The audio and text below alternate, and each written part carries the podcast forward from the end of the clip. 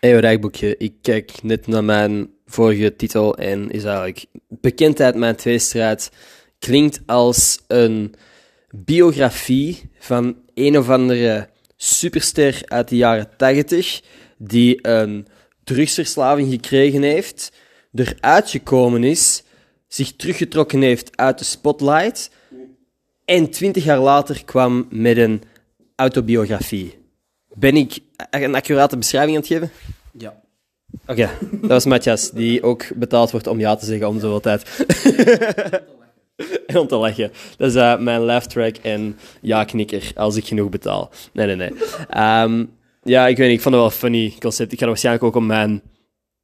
ik ga er waarschijnlijk ook wel gewoon op mijn Instagram-story zetten, die, die podcast. Want ik sta wel achter de boodschap. En ik wil hier gewoon nog even zeggen, dat heeft niks, ni- niks van shade of zo naar Rob of zo. Ik vind het fucking cool dat ze aan het doen zijn. En ik ben fucking hyped voor hen. Fucking tout bien en zo. Dat zijn allemaal dingen dat je pas kunt doen als je op dat level gekomen bent. En dat is inderdaad nog een toevoeging inderdaad aan, aan het vorige fragment van deze podcast. Dat is ook mijn thesis. Ik wil coole businesses en zo kunnen starten.